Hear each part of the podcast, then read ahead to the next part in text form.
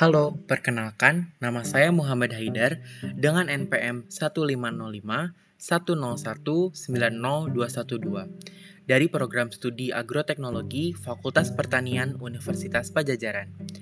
Kali ini saya akan menjelaskan pandangan saya dari salah satu video mengenai produksi tanaman anggrek. Podcast ini merupakan salah satu tugas mata kuliah pemulihan tanaman terapan.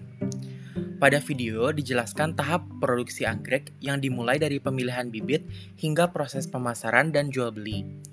Pada tahap pertama, para peneliti melakukan pemilihan tanaman anggrek yang memiliki bunga yang bagus dan juga daun yang lebat. Selanjutnya, para peneliti melakukan seleksi tanaman manakah yang akan diperbanyak. Berikut sedikit penjelasan mengenai tanaman anggrek.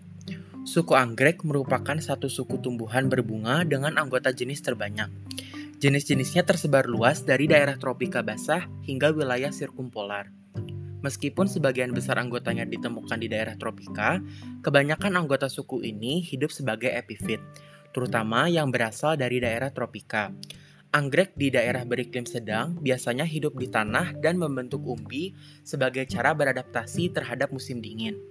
Organ-organnya yang cenderung tebal dan berdaging membuatnya tahan menghadapi tekanan keter ketersediaan air Anggrek epifit dapat hidup dari embun dan udara lembab.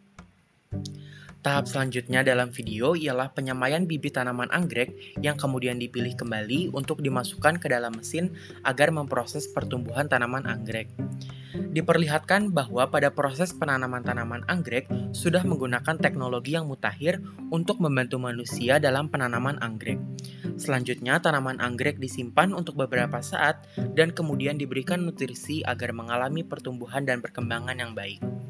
Setelah tanaman anggrek mencapai masa yang tepat untuk dijual, tanaman anggrek kemudian dipak sedemikian rupa agar tetap stabil dalam perjalanan. Setelah sampai pada tempat penjualan anggrek, anggrek dipertunjukkan untuk menarik minat pembeli. Dari beberapa tahap tersebut, menurut saya tahap pemasaran harus terus diinovasikan dan juga lebih kreatif.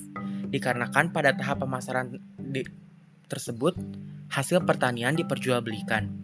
Ketiga tahapan lain perlu dilakukan inovasi dan tetap kreatif dalam menemukan ide-ide baru dan meningkatkan teknologi yang ada untuk terus berkembang.